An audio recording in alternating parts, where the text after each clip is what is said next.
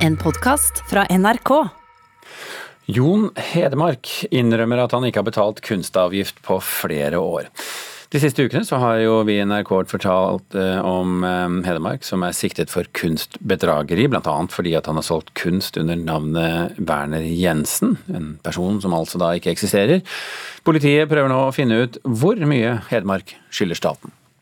Det blir jo litt som å selge lodd og si at inntekten går til Røde Kors, og så går ikke pengene til Røde Kors, men eh, du tar det i egen lomme. Det sa politiadvokat Andreas Meg Bentsen om at den sikta kunstforhandleren Jon Hedemark har krevd inn kunstavgift ved sal uten å ha betalt avgifta inn dit den skal, til Bildende kunstneres hjelpefond, et fond som skal sikre ny produksjon av kunst i Norge. Slik svarer Hedemark. Ja, det stemmer. Vi har en skyldig kunstavgift eh, til BKH. Det er ikke veldig mye. for Vi driver nå og prøver å finne ut av hva vi skylder der. Det var etter at det kom ut i offentligheten at Hedemark er sikta for kunstbedrageri, at han har innrømt å ikke ha betalt kunstavgifta. Den kunstavgiften som jeg snakker om nå, den eh, går tilbake til eh, den dagen vi startet galleriet for noen år tilbake. Eller altså ikke noen år tilbake, men tilbake til 2019 i slutten av 2019, eh, var det vel. Ved offentlig sal av kunstverk til over 2000 kroner skal 5% av omsetninga betales inn som kunstavgift. Da politiet ransaka galleriet, fatta de mistanke da de så dette.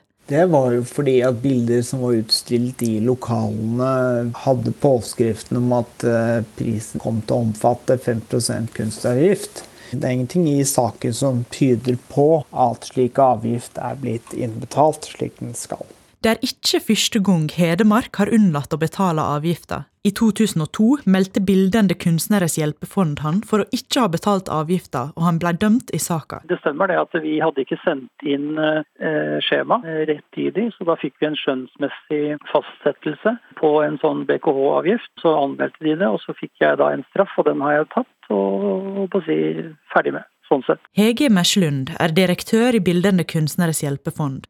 Hun sier at saker som handler om ubetalt kunstavgift, som oftest ordner seg uten å blande inn politiet. Å involvere politiet og gå til politianmeldelse, det er på en måte en framgangsmåte som, som vil være forbeholdt grove tilfeller av gjentatt påvist unndragelse av kunstavgift. Og det har vi som sagt veldig, veldig få eksempler på. Imerslund mener at kunstavgifta er lite kontroversiell. De aller fleste seriøse aktører er veldig lojale mot ordningen. Vi har ikke noe inntrykk av at det foregår bevisst unndragelse av avgift i stort omfang. Kunstforhandleren forklarer at politiet beslagla alt av permer og papir i august, og at han derfor ikke har betalt inn avgifta. Eh, vi var litt sent ute i utgangspunktet Eh, når politiet kom på besøk. Det skal jeg ærlig innrømme, og det sa jeg jo til politiet også. Politiet etterforsker nå saker for å finne ut hvor store beløp det dreier seg om.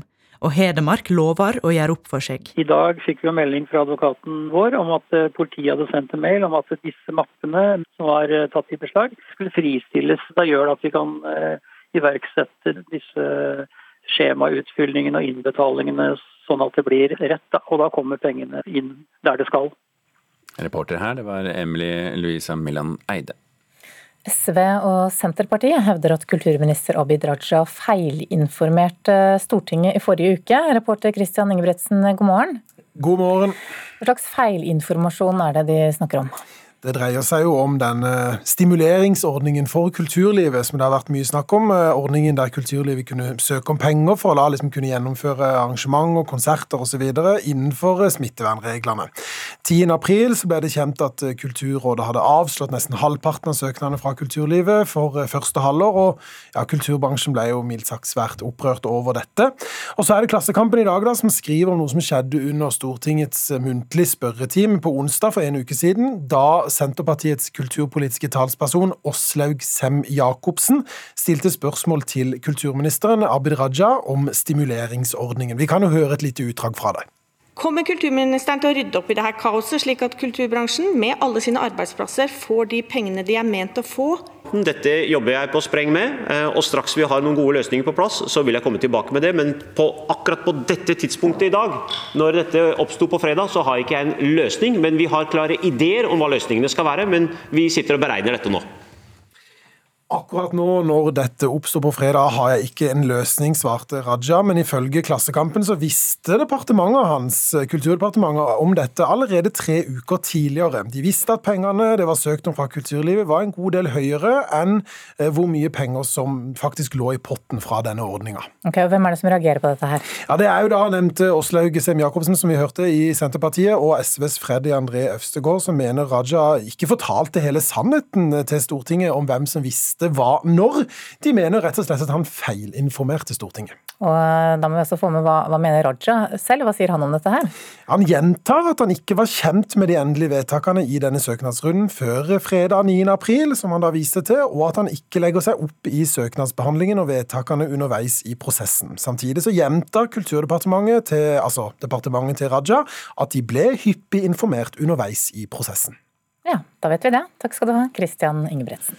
Nå skal vi snakke om den nye boken til eh, professor i nordiske studier, Ståle Dingstad. Den eh, heter 'Knut Hamsun og det norske holocaust', og der tar Dingstad et oppgjør med det han mener er Hamsuns antijødiske holdninger, og mener det ikke lenger er grunnlag for å skille mellom disse holdningene, altså til personen Hamsun, og hans litterære verk, slik eh, vi har hatt for vane her i Norge de siste årene 50-60-70-årene. Knut Hamsun, litteraturkritiker her i NRK, god morgen. Ja, Knut Hoem i alle fall. Ja, eh, hva sa jeg da? noe? Hamsun. ja, ja. det, er forfatterblod i årene dine òg, for å si det sånn. Men du, eh, Knut Hamsun og det norske holocaust etter boken, hva er sammenhengen? Jo, eh, sammenhengen som Ståle Dingstad skaper, den eh, utspiller seg i Vestfjordfoldbyen Larvik i eh, 1917.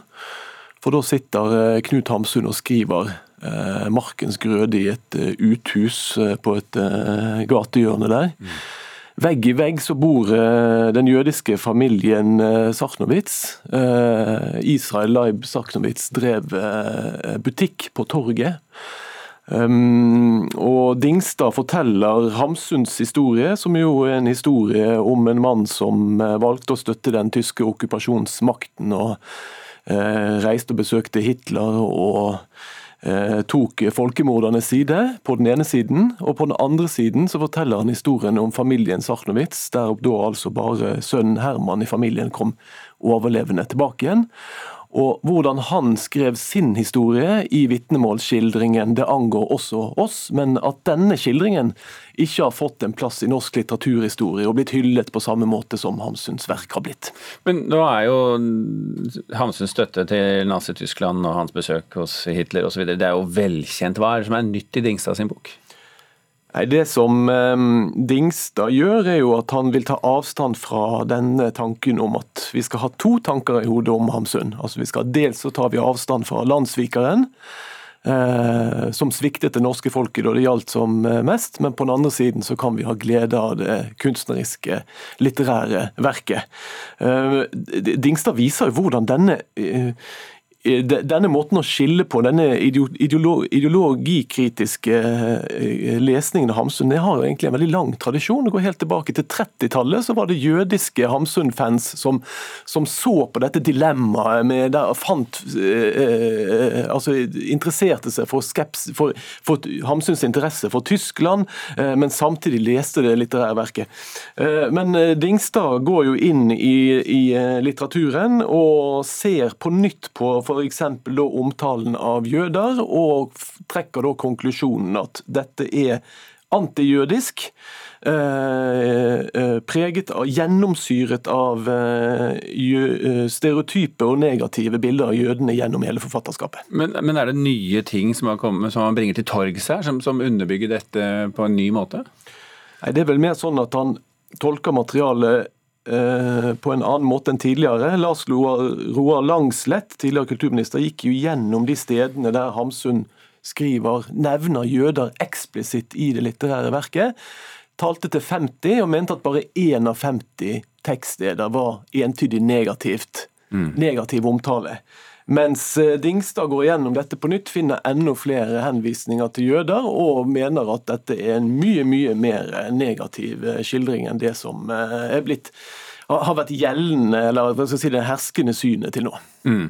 Eh, litteraturen rundt Knut Hamsun er jo veldig omfattende. Det har vært skrevet bøker og det har vært skrevet biografier om ham i, i, i mange år. Vil du si at dette er en, et viktig bidrag i den kanonen? Jeg hadde veldig mye Jeg syns det var interessant å, å, lese Dingstads eh, bok. Eh, dette antisemittisme, eh, rasisme Disse temaene er jo så til de grader på dagsorden også i dag. Det er interessant å se hvordan denne debatten på en måte går, har fullt, forfulgt Hamsun hele tiden.